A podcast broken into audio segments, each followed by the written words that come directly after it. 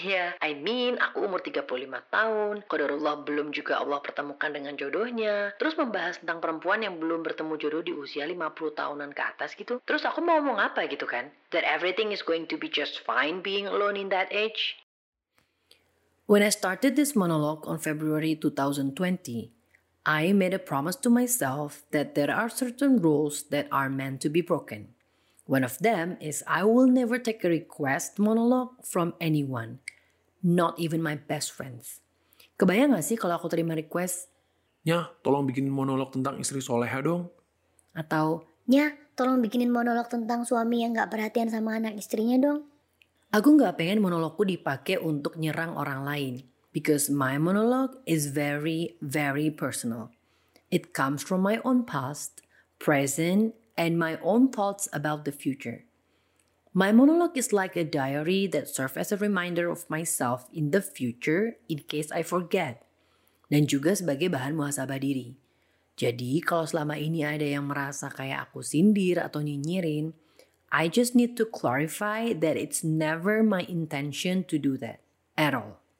But I guess there will always be an exception selama perkecualian itu tidak melanggar syariat atau tidak merusak apa yang sudah aku usahakan selama ini.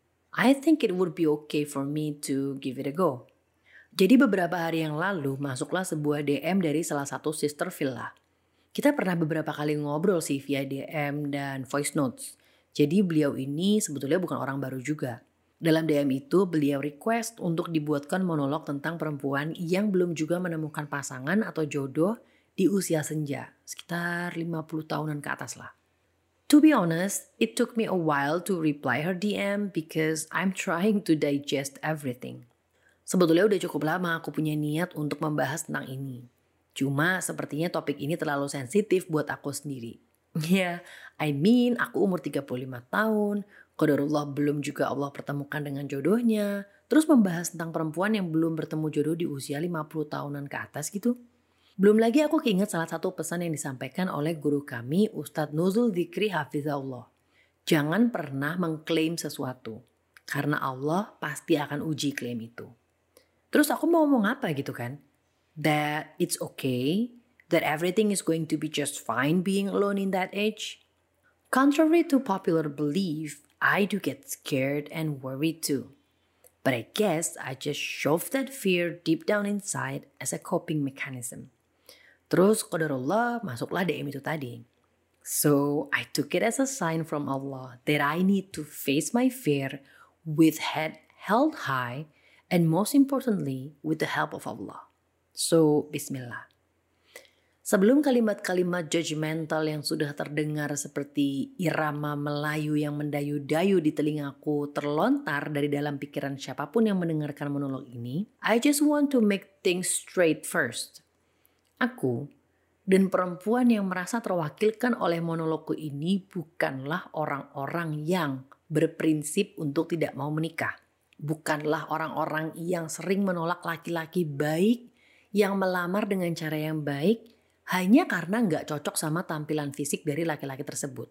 Kita bukanlah orang-orang yang nggak ada usaha sama sekali untuk menjemput jodoh. Dan bukanlah orang-orang yang sangat pemilih harus tinggi, putih, six packs, giginya rapi, kaya, keturunan raja, jenius, menguasai 10 bahasa, jago MMA, dan bisa masak. Jadi alasan kenapa kita masih belum menikah sampai sekarang itu ya pure karena memang belum Allah pertemukan dengan jodohnya. Monolog ini juga nggak akan membahas tentang solusi untuk bisa cepat menikah. Because believe me, we've tried everything. Sebagai perempuan yang hidup di Indonesia dengan kultur Asia, otak kita tuh punya alarm yang somehow udah di set sama society untuk berdering di waktu-waktu tertentu. Dering pertama adalah ketika kita memasuki umur 25 tahun. Karena hampir sebagian besar dari kita di umur seperempat abad sudah menemukan pasangan hidupnya. Coba deh, berapa banyak orang di sekeliling kita yang salah satu alasan menikahnya adalah Lah, teman-teman udah pernah nikah. Jadi ya gue nikah aja mumpung belum 30. Dering kedua adalah ketika kita memasuki umur 30 tahun. Kalau alarm pertama jarak snooze-nya itu 5 menit, yang kedua ini cuma satu menit. Baru selesai jawab pertanyaan tante, udah ditanyain lagi sama Bude dan Eyang-Eyang. Kali ini beban makin bertambah. Udah umur 30 tahun loh. nanti susah punya anak. Nanti jauh jaraknya sama anak. Nanti gak banyak laki-laki yang mau. Atau yang paling epic adalah Nanti kalau keburu yang meninggal duluan piye? So to all my sister Villa yang masih juga belum bertemu dengan jodohnya sampai saat ini, aku mau berbagi beberapa tips yang udah aku praktekkan selama ini sebagai ikhtiar untuk tetap yakin dan berbaik sangka pada Allah. Satu, percaya pada janji Allah di awal surat Ar-Rum ayat 21. Dan di antara tanda-tanda kebesarannya ialah dia menciptakan pasangan-pasangan untukmu dari jenismu sendiri. Agar kamu cenderung dan merasa tentram kepadanya. Jadi jodoh kita itu pasti ada. Kapan datangnya itu Allah yang tahu. Mau dipertemukan di dunia atau di akhirat kelak, itu hak prerogatif Allah. Tugas kita hanya percaya dan ikhtiar sekuat kemampuan. Dua, Find a support system. Kalau Allah berikan keluarga yang supportive, alhamdulillah. Keep them very close. Kalau Allah berikan keluarga yang less supportive, alhamdulillah. Kalian adalah orang-orang terpilih yang Allah berikan ladang pahala kesabaran lebih dari yang keluarganya supportive. Coba support system dari tempat kajian. Kalau jauh dari mana-mana, coba masuk ke WhatsApp grup kajian khusus akhwat di situ bisa saling kenal dan ngobrol-ngobrol. Tapi kalau masih nggak bisa juga, you can always reach me through DM. I would be more than happy to be your support system in any ways I can. Tiga, tebalkan telinga. Nggak semua omongan orang perlu didengar, apalagi sampai dimasukkan ke hati. Siapa pun orangnya. Iya, termasuk orang tua. Aku nggak ngajarin kurang ajar ya, tapi orang tua hanyalah manusia biasa yang memiliki emosi. Kadang tanpa sadar beliau-beliau mengucapkan kata-kata yang mungkin menyakitkan hati. Jangan sampai kata-kata itu masuk ke dalam hati dan menimbulkan kebencian pada mereka berdua atau bahkan membuat kita merasa boleh untuk membantah dengan nada yang tinggi dan kata-kata yang kasar.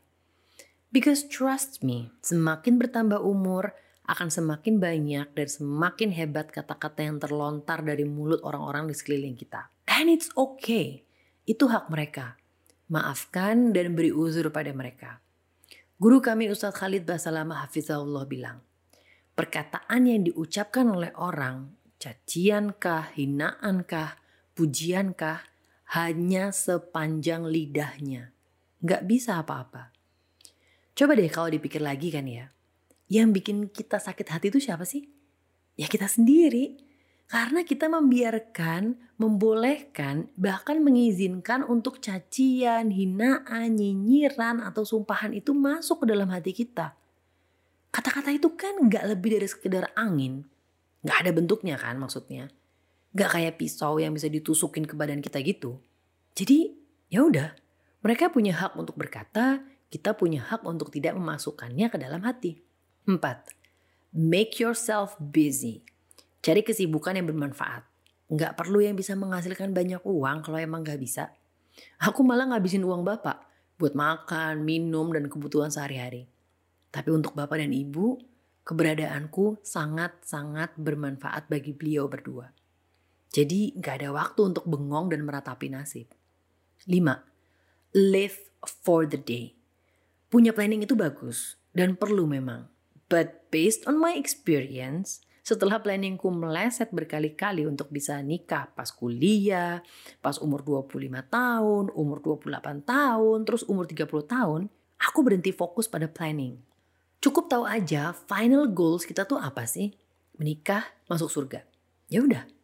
Nggak usah ditungguin tiap bulan kapan menikahnya atau kapan masuk surganya. Tapi cukup fokus ke 16 jam dalam sehari. Dari bangun tidur tanya sama diri kita, apa yang bisa aku kerjakan hari ini untuk mencapai final goalsku dengan apa yang Allah berikan hari ini? 16 jam aja. Dengerin kajian, sholat, ngaji, cooking, cleaning, belanja ke pasar, jualan, kerja, bantuin orang tua, baca artikel parenting islami, olahraga, me time. Kalau aku nulis monolog dan nontonin YouTube masak-masak. Terus tidur. Besok bangun, ulangi lagi semuanya. Sampai ada variabel baru, contohnya ada laki-laki yang datang melamar. Berarti akan ada proses ta'aruf dan lain-lain. Pokoknya apa yang bisa dikerjakan sekarang, kerjain. No matter how small it is. Because by doing all that small stuff, we're one step closer to our final goals. 6.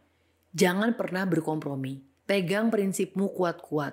Apa pun yang terjadi, sesulit apa pun jalannya, berapa ratus orang pun bilang impossible, jangan pernah menyerah pada pelanggaran syariat. Maka dari itu, sebelum menyatakan diri siap untuk menikah, kita harus tahu laki-laki seperti apa yang layak untuk dijadikan seorang suami. Bukan menurut kita, orang tua kita, apalagi society. Tapi menurut Al-Quran dan hadis. Tenang, syariat Islam gak nyuruh kita untuk menikah dengan laki-laki yang speknya ustadz kok. Jadi kalau ada laki-laki yang mau melamar dan kita tahu nih sholat wajib dan puasa Ramadannya masih bolong-bolong, lebih baik skip aja. Bukan karena kita merasa si paling alim, tapi bukan tugas kita untuk membersamai orang yang masih enggan mengerjakan apa-apa yang Robnya perintahkan. Sebelum menyatakan diri siap untuk menikah, kita harus tahu bagaimana mengikhtiarkan pernikahan dengan cara yang halal Bukan menurut kita, orang tua kita, apalagi society. Tapi menurut Al-Quran dan hadis. Tenang, syariat Islam gak nyuruh kita untuk langsung menikah satu hari setelah kenalan kok. Jadi kalau ada laki-laki yang secara zohirnya atau apa yang nampak pada kita itu baik, tapi mengajak untuk menjalani hubungan apa pun itu labelnya, pacaran, HTS, TTM, karena masih belum bisa menikah dalam waktu dekat, disebabkan satu dan lain hal, lebih baik skip aja. Bukan karena kita merasa si paling laku, tapi yang namanya jodoh itu akan datang di waktu yang tepat. Di mana kita berdua sudah sama-sama siap untuk menikah, baik dari segi mental maupun finansial. Jadi kalaupun kita memang harus menolak lamaran seseorang, penolakan itu punya landasan syariat yang kuat. Sehingga insya Allah hati dan pikiran nggak gampang oleng saat mendengar kalimat. Mungkin jodohmu udah lewat. Atau Mungkin jodohmu itu kali yang kemarin kamu tolak. Well, what I'm trying to say is, aku nggak akan bilang ke diriku sendiri atau kalian bahwa semuanya akan baik-baik aja kalau sampai umur 50 tahun kita belum menemukan jodohnya. Karena ingat kata-kata Ustadz Nuzul Zikri Allah tadi, jangan pernah mengklaim sesuatu karena pasti akan Allah uji. So, no, I'm not going to say that everything will be just fine. Tapi aku juga nggak akan bilang, yuk bisa yuk panik bareng udah umur segini masih juga belum nikah. Aku nggak tahu apa yang dirasakan oleh orang yang berusia 50 tahun dan belum juga menemukan jodohnya. Kanya umur 25 tahun aja nggak akan pernah tahu rasanya jadi kanya umur 35 tahun yang belum juga menemukan jodohnya. Karena bukan tugas kita untuk mencari tahu dan memprediksi masa depan. Tugas kita hanya ibadah, ikhtiar, bersyukur dan bersabar.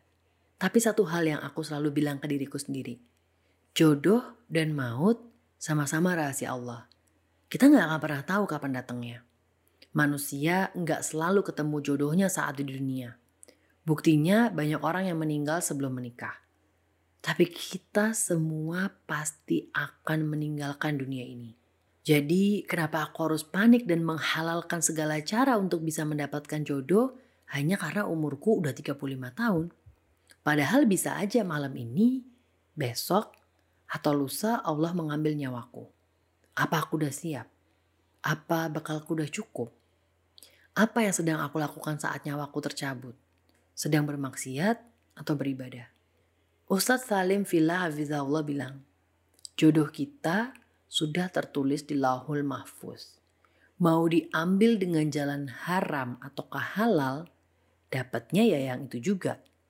Yang beda rasa berkahnya bukan tentang apa, berapa, atau siapa, tapi bagaimana cara Allah memberikannya.